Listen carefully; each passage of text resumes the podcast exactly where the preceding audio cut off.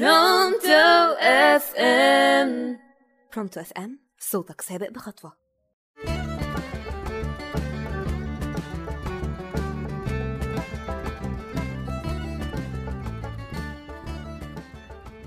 يا مساء الخير على كل اللي بيسمعونا على راديو Pronto.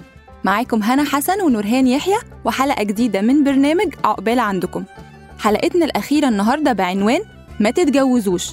طبعا زمانكم بتقولوا إيه ده؟ هما بيعملوا دعوة للإضراب عن الجواز ولا إيه؟ بس خلوني أقول لكم إن الموضوع مش كده خالص. إحنا بس جايين نقول لكم ما تتجوزوش إلا لما تلاقوا الشخص المناسب. بالظبط كده. يعني أنتي ما تتجوزيش الشخص اللي بيتفاهم بإيديه مش بلسانه. ومثال على كده عروسة الإسماعيلية اللي كلنا شفنا الفيديو بتاعها وهي بتتضرب.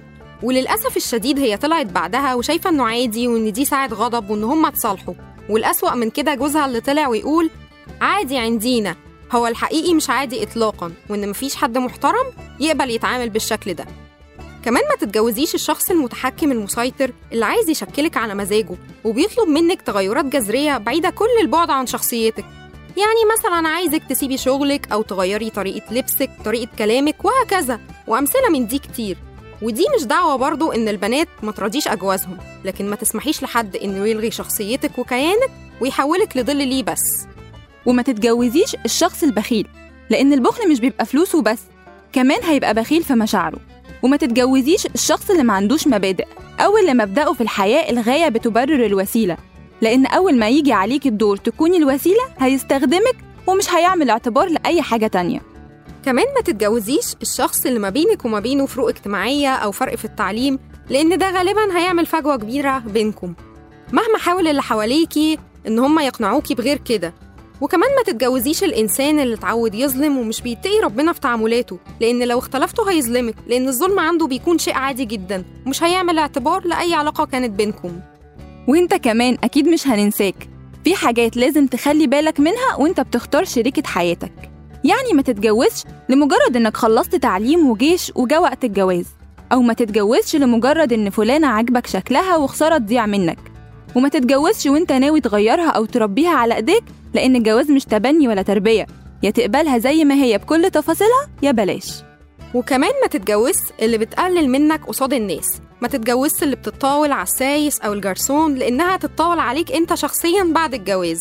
وما تتجوزش عشان سنك بيكبر وبعدين تحس بقى إنك اتخطفت و... ولسه ما عشتش حياتك وإن مراتك مش كفاية. وندخل بقى في مرحلة مراهقة متأخرة. إحنا مش بنحاول نكرهكم في الجواز أو نخوفكم منه.